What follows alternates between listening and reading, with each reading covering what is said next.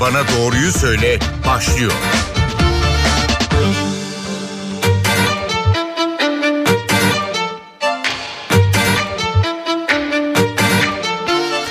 NTV Radyo'dan herkese merhaba. Yeni bir Doktor Bana Doğruyu Söyle programında birlikteyiz. Ben Aynur Altunkaş. Türkiye'de salgınla mücadelede tablo her geçen gün ağırlaşıyor. Günlük vaka sayıları 30 bin sınırında. Bir taraftan virüse yakalanmamaya çalışıyoruz. Diğer taraftan da kronik hastalıklarımızın tedavisini aksatmamaya. Uzmanlar pandemi döneminde hem hastane korkusu hem de hareketin azalması gibi nedenlerle gelecek yıllarda kanser vakalarının artacağını öngörüyor. Kasım ayı pankreas kanseri farkındalık ayı. Pankreas kanseri en çok korktuğumuz kanser türlerinden biri çünkü erken belirti vermiyor. En ölümcül kanser türleri arasında da üst sıralarda. Pankreas kanserinden korunmak mümkün mü? Tanı ve tedavide neler değişti? Genel cerrahi uzmanı Profesör Doktor Güral Onur Ceyhan bugün program konuğumuz. Sayın Ceyhan hoş geldiniz yayınımıza. Hoş bulduk Aynur Hanım. E, bu arada dinleyenlerimize de hatırlatalım WhatsApp hattımızı 0530 010 22 22 0530 010 22 22 NTV Radyo WhatsApp hattı sorularınızı bu numarayla iletebilirsiniz. Biz de yayında Profesör Doktor Güralp Onur Ceyhan'a e, sorabiliriz. E, pankreas kanserinde kimler risk grubunda? Nedir sebepleri bu kanserin Sayın Ceyhan? Ya risk gruplarımızda bizim çeşitli e, popülasyonumuzdaki olan insanlar var. Bunlar ilk önce 65 yaşındaki insanlar e, e, oluyor. Kadın erkek aslında o kadar çok ayrım yok mu? Bazı e, Avrupa bölgelerinde birazcık daha çok kadınlarda birazcık daha fazla gördüğümüz e, bir hastalık. Genel olarak bütün yeni e, pankreas kanser vakalara bakarsanız e, bütün dünyada e, erkeklerde 10. kadınlarda 9. sırada ve ölümsüz olarak da siz de kendine söylediğiniz gibi maalesef 4. sırada ve biz bunun gelecek e, 20 senenin içinde e, ikinci sıraya geleceğini biliyoruz. Yani gittikçe artıyor çünkü nedenleri de artıyor. Bizim çok fazla alkol, sigara e, tüketimiz ve aynı zamanda da maalesef daha da çok fazla batıya yönelik yemek tarzı yani o fast food tarzlarıyla e, yemek e, tarzı da bizi ciddi bir şekilde pankreas kanseri e, tetiklediğini ve obez olmanın nedeniyle de bu e, hastalığın daha çok fazla sık gördüğümüzü maalesef bütün dünyada görebiliyoruz. Peki özellikle pandemi döneminde pankreas kanserlerinde bir artış oldu mu? Ya onu söyleyemeyiz. Yani bir şekilde tabii ki yani pankreas kanserleri de halen artıyor. Bizim o başka bir şey gördük. Yani insanlar tabii ki Covid nedeniyle tereddüt edip geç geliyorlar. Daha da çok fazla biz geç evrede metastaz olmuş hastalara da maalesef rastlayabiliyoruz. Yani bu bu yüzden bizim izleyen ve daha doğrusu duyan seyircilerimize bunu da söylemek istiyorum. Yani Covid nedeniyle en kötü zamanda da bile İtalya'da %3,5 oranda hastalar ölüyorlardı geneldeki bütün e, e, dünyadaki popülasyona bakarsanız yüzde ikiye aşmıyordu. Ama siz herhangi bir şekilde kanser e, şüpheniz var ise, hastalığınız var ise, pankreas kanseri olsa bile hele o zaman yani mutlaka erkenden hastanelere gitmeye ihmal etmeyin. Çünkü e, erken bir şekilde biz buna davranmazsak yani Covid'den olan birkaç üstü daha fazla tabii ki ölüm riski var o zaman. Yani bunu lütfen unutmayalım. Peki şüphe dediniz. E, hangi durumlarda biz pankreas kanserinden şüphelenmeliyiz? Erken belirti e, verir mi pankreas kanseri? Son zamanlarda çok ciddi bir artan ve bugün de bir tane maalesef 44 yaşındaki bir hastam e, yakaladık. E, o da anından 44 yaşında yani genç hiç herhangi bir hastalık olmadan bir anda şeker hastalığı olması e, herhangi bir sağlıktan bu maalesef genellikle kans, pankreas kanser olduğunu e, gösterebiliyor. Onun için buna birazcık daha duyarlı olmamız lazım. Hastaların tabii ki anı e, sarılık geçirenler genelde tabii ki onlar hemen hızlıca tetkik ediyorlar. Ve uzun zaman doğru dürüst tedavi edilmeyen mide ve sırta vuran uğraları da çok dikkatli duyarlı olmamız lazım. Çünkü bunun arkasında da pankreas olabilir. Uzun zamanlarda çeşitli tetikler, ortopedi, veya başka doktorlara gidip halen bir şekilde ağrının nedeni e, bulunmazsa yani bunu unutmamak lazım çünkü bunu da maalesef e, biz çok sık görüyoruz ve onlar da genelde de çok fazla ağrı e, nedeniyle bir sonuç bulamadığı için o hastalar birazcık bize çok geç geliyorlar. Onunla insanlar birazcık duyarlı olmaları lazım. Peki şimdi e, uzun süre geçmeyen ağrı dediniz. Sırt ağrısı ya da karın ağrısı dediniz. E, biz bu şikayetlerle bir e, hastaneye gittiğimizde ya da bir hekime göründüğümüzde e, ilk şüphelendikleri şey pankreas kanseri olmayacaktır elbette. O noktadan Kesinlikle. sonra bu süreç nasıl işliyor? Ya bu bence siz çok e, noktayı vurdunuz. Bu çok önemli bir şey. Tabii ki her sırt ağrı, mide ağrısı, pankreas kanseri değildir. En çok nadirdir. İlk önce tabii ki BMI'ye, BMI'ye bakmak lazım. Gastrit olabilir hastalar. Hele bile bu Covid döneminde bir sürü insanlar stresli. O yüzden gastrit olması e, olanağı yüksek. Oradaki gastroenteroloji arkadaşlar endoskopiyle yardımcı olabilirler. Veyahut da tabii ki daha da çok fazla sık gördüğümüz safra kesesi problemleri veyahut da kalp problemleri de aynı şekilde bu, bu e, ağrıları yapabilir. Yani bu tetkikleri geçtikten sonra yani sonuçta tıpta bizim bir ana kuralımız vardır. Sık sıktır, nadir nadirdir.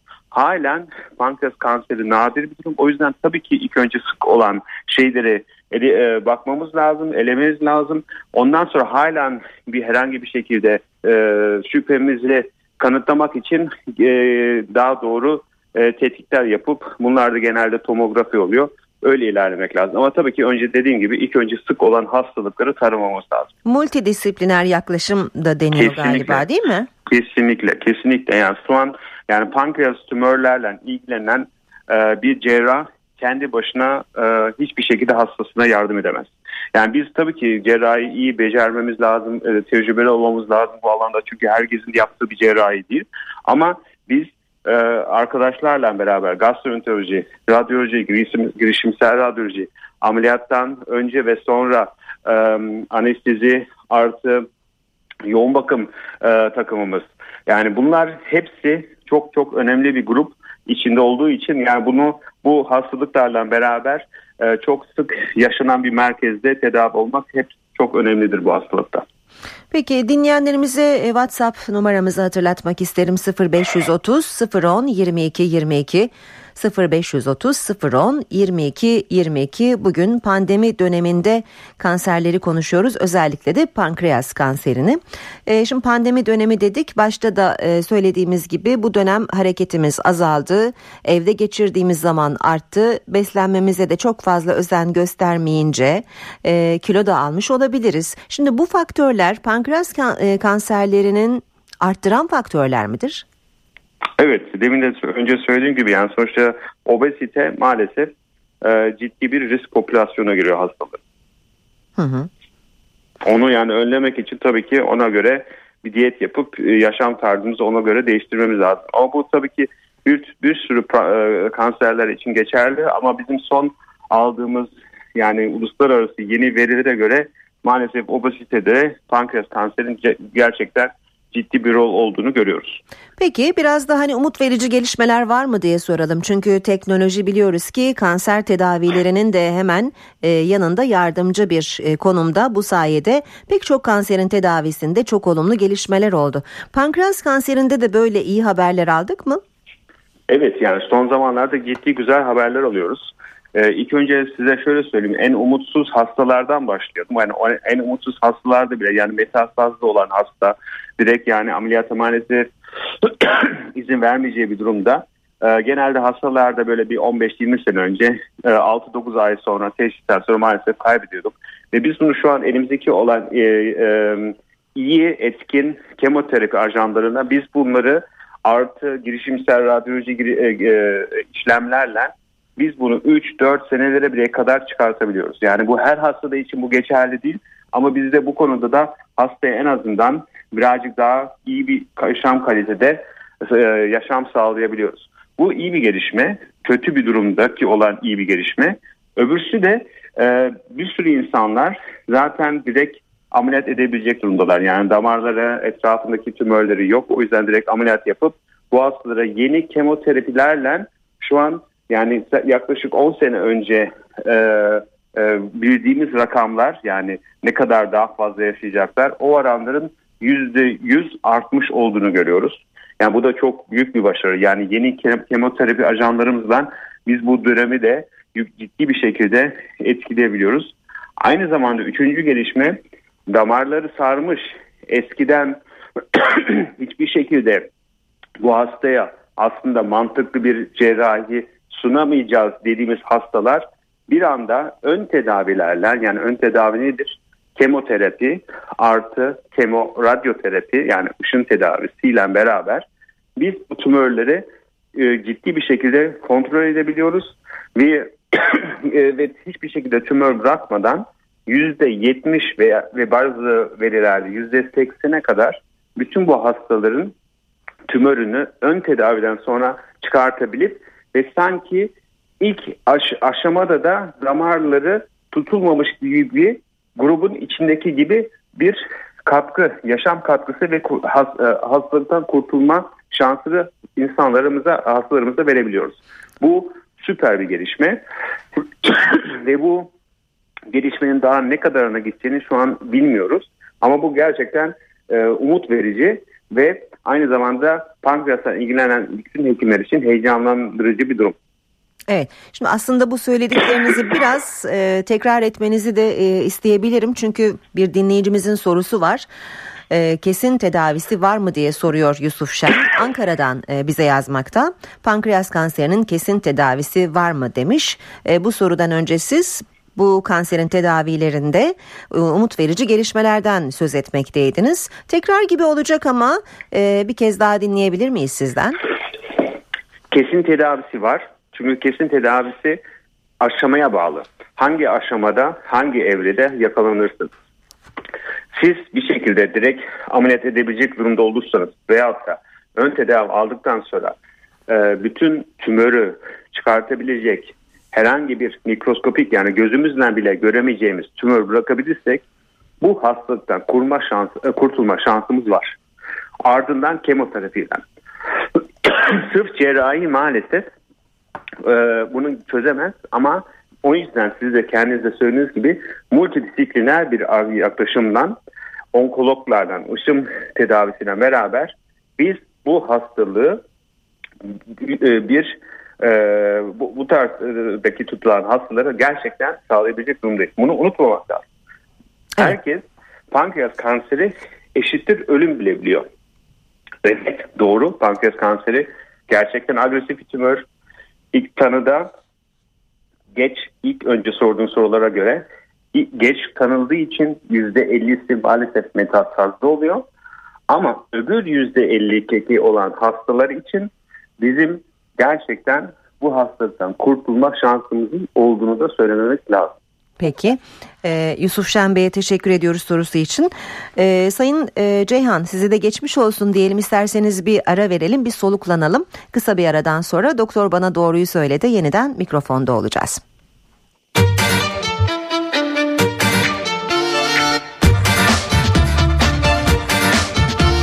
Doktor bana doğruyu söyle devam edecek.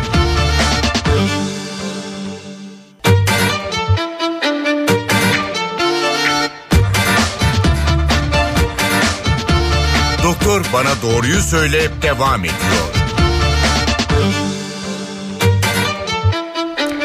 NTV Radyo'da Doktor Bana Doğruyu Söyledi. Bugün pandemi döneminde pankreas kanserini konuşuyoruz. Genel cerrahi uzmanı Profesör Doktor Güralp Onur Ceyhan konuğumuz. Sayın Ceyhan tekrar merhaba diyelim. Radyolarını yeni açanlar için de e, konumuzu bir kez daha belirtmiş olduk. E, haklısınız değil mi? Evet hattayım. Evet. Şimdi e, ara vermeden önce pankreas kanserindeki e, yeni tedavileri, olumlu gelişmeleri konuşuyorduk. Akla şu soru da geliyor tabii. Pankreas kanseri dışında e, başka hangi pankreas hastalıkları var? Bizim gittikçe daha çok fazla gördüğümüz kistik tümörler var. Yani bu sizden nasıl karşılaştırabilirim? E, kalın bağırsaktaki gördüğümüz poliplere benzeyen çeşitli tümörler. Ve bunların e, en azından dört tane ana formu var. Ve bunları biz e, gittikçe niye görüyoruz? Çünkü bilgisayar tomografi, MR, magnetik rezonans tomografi daha çok e, e, geliştiği için biz daha çok erken bu tarz tümörleri görebiliyoruz. Ve bazılarının e, belirli bir oranda yüzde 15, yüzde 25'te başlayıp bazıları da ama yüzde 50 orana kadar gelecek zamanda kansere gelişme riskinin olduğumuz bir e, durum ve o yüzden bu hastaları bu tarz kistik tümörleri e, keşfettikten sonra e, ciddi bir şey almamız lazım, kontrol almamız lazım, takibi almamız lazım. Ve zamanı gelince de herhangi bir bizi endişelendirebilecek bir gelişme olduğu zaman erkenden kansere oluşmadan bu hastaları ameliyat etmemiz gerekiyor. Hı hı. Peki pankreas tedavisi görürken COVID-19'a yakalanan bir hastanız oldu mu ya da böyle vakalar duydunuz mu? Evet oldu. Ama bu daha çok şey oldu. Benim benim e, Allah'tan tek bir hastama oldu. E, ameliyat etti. Pankreas kanseriydi. Ameliyatı gayet iyi geçti. Ameliyattan sonra da taburcu oldu. Kendine geldi ve normal bir zaman içinde kemoterapisine başladı. Birinci kürünü aldı. Problem olmadı. İkinci kürü aldığı zaman maalesef zatürre oldu diye düşünceyle bir şekilde maalesef Covid olduğunu e, anlaştı, anladık hı hı. E, ve hemen direkt yoğun bakıma aldık ama tabii ki kemoterapi alınca da insan e, immün sistemi düştüğü için maalesef o e, kemoterapi artı Covid'i kaldıramadı ve hastamızı kaybettik. Ama ondan başka şu ana kadar e, yaptığımız bütün ameliyatlarda ve bu az değil e, Allah'tan e, tek bir hastada ameliyattan sonra Covid kapma veya kaybetmemiz e, olmadı. Umarım da olmayacak ama tabii ki bu risk bu riski bir şekilde tabii ki şu bu dönemlerde taşıyoruz. Hı hı. Var yani. Peki e, dinleyicilerimiz için WhatsApp hattımızı tekrarlayalım 0530 010 22 22. Şimdi bu dönemde e, bağışıklığımızı güçlendirmek için de çeşitli e, ilaçlar, vitaminler, mineraller alıyoruz. İşte gıdamıza dikkat etmemizin yanı sıra. Aldığımız bu takviyeler pankreasa zarar verir mi? Yok vermez. Ama şöyle bir şeyler de var. Yani insanlar bazı insanlar da tabii ki pankreas kanseri olunca da herkes o kadar çok korkulu olduğu için umudu her yerden doğdurmaya çalışıyorlar ve bir sürü maalesef bu durumu da kullanan bir sürü insanlar var ve o yüzden yani şunu içince kan, kanseri geçer falan yani o muhabbetlere mutlaka lütfen girmeyelim çünkü çok tehlikeli hı hı. ve bizim e, tedavimizi de e, geciktiren ve zorlayan bir durum oluyor. E, takviye olarak besin olarak protein, vitamin bunların hepsi alınabilir. Hiçbir şekilde e, zararı yoktur ama kesinlikle tedavi nedeniyle alınmaması lazım. Hı hı. Peki şimdi e, bir de safra kesesi ameliyatlarını çok sık duyuyoruz son zamanlarda. E, nedir safra hastalıkları, tanı ve tedavi yöntemlerinden de bize biraz bahseder misiniz? Tabii. Yani zaten başlangıçta söylediğim gibi birazcık ağrıları da e, benzeyebilir ama onlar birazcık daha çok fazla sağ üst ve sağ arka tarafa vuran ağrılardan saptanan genellikle yemek yedikten sonra e, olan e, bir ağrıdır. Yemek yedikten sonra niye problem olur? Genelde zaten safra kesesiyle olan bizim ana bildiğimiz problem taşlardır. Çünkü biz yemek yedikten sonra safra kesesi ilk önce ondan önceki gelmiş yemekten sonrasındaki safra birikimini bir sanki bir kas torbası gibi içinde tutar. Yani bence seyirciler bunu da aydınlatmak için söylüyorum. Çünkü herkes sanki safra kesesi safra üretiyor diyebiliyor ama o doğru değil. Safra karaciğerden üretilir. Sırf safra kesesi gelecek yemek için hazır tutar safrayı. Ve orada bir şekilde safranın e, kesesinin çıkışındaki olan kanala o taşlar tıkanırsa hastalara ciddi e, ataklar veriyor. Yani ağrı atakları ve böyle bir şekilde hastalar çok rahatsız oluyor. Bu en çok sık görünen şey budur. Bunu da e, buna benzer e, ağrılar hastalar gastrit olduğu için de olabilir. O yüzden midede problem mi var yoksa daha çok safra kesede bir problem var. İlk önce ayrı etmemiz lazım. Çünkü problem mide ise hastaları lüzumsuz bir ameliyat yapmış oluruz. Çünkü hastanın taşları olması, safra kesi taşları olması eşittir ameliyat değildir. Bu da insanlar bence çoğu zaman yanlış görüyorlar. Yani safra kesesinin taşları insanlar 90 yaşına kadar yaşayabilirler herhangi bir başka bir problemden belki bu güzel dünyamızdan ayrıldılar ama o kes, e, safra kesi taşlar nedeniyle değil. O yüzden bunu çok iyi ayrıntılı anamnez yani hastayla ayrıntılı konuşma, problemlerin ne zaman nasıl olduğunu anlayarak öyle ilerlemek lazım. Yani o zaman Bu, bir daha sorayım ben. Neden bazı e, safra kesesindeki taşlar alınırken bazılarının alınmasına gerek olmuyor? Ya şimdi sizin belki sizin safra kese taşlarınız var.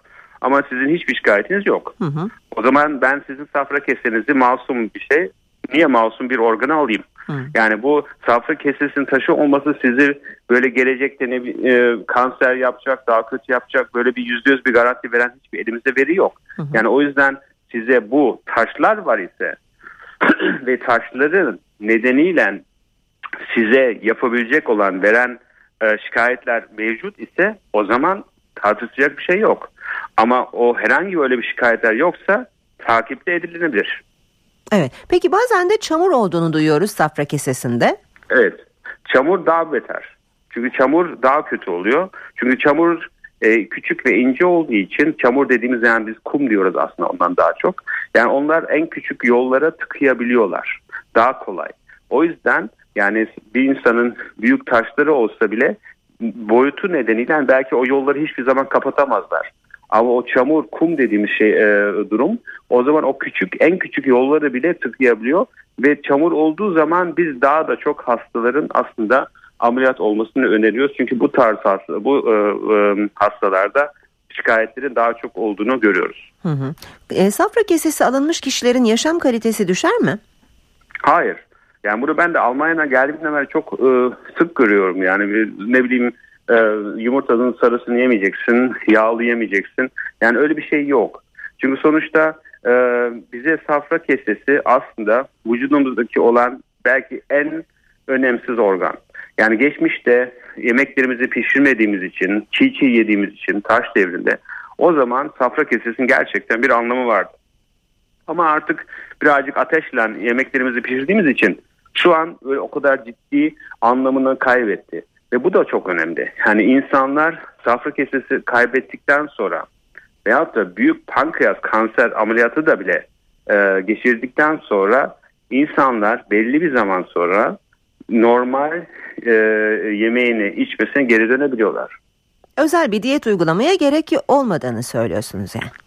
Yani ilk ameliyattan ilk dönemde bu ilk haftalar hı hı. yani safra kesesinde belki bir maksimum iki hafta pankreas ameliyatların büyük pankreas ameliyatlarından sonra e, böyle genelde iki ay, üç ay ondan sonra gayet normal yemeğe geçebiliyorsunuz. Evet.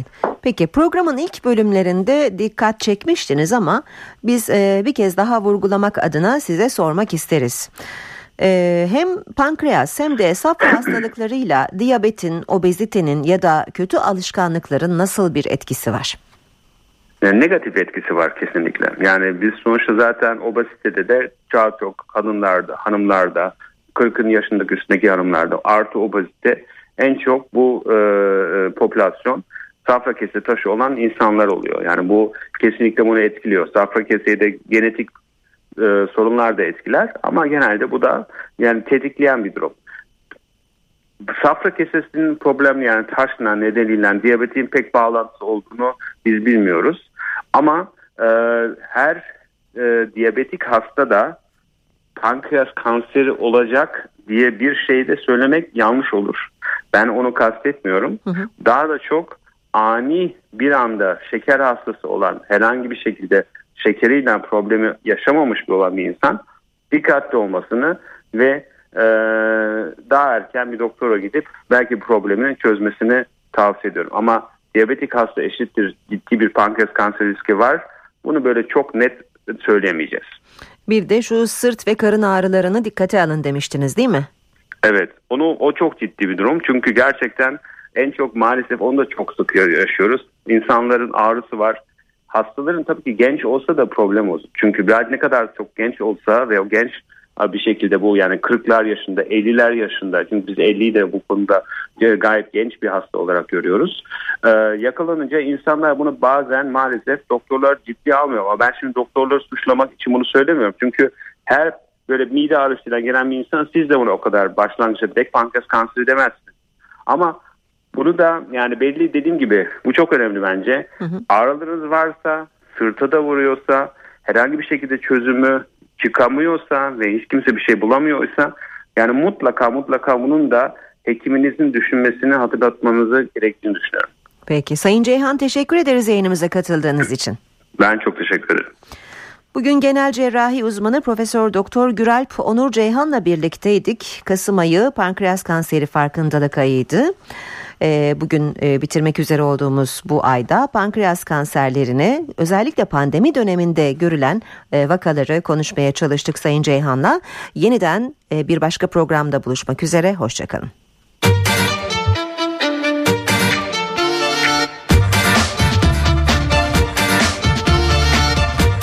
bana doğruyu söyle.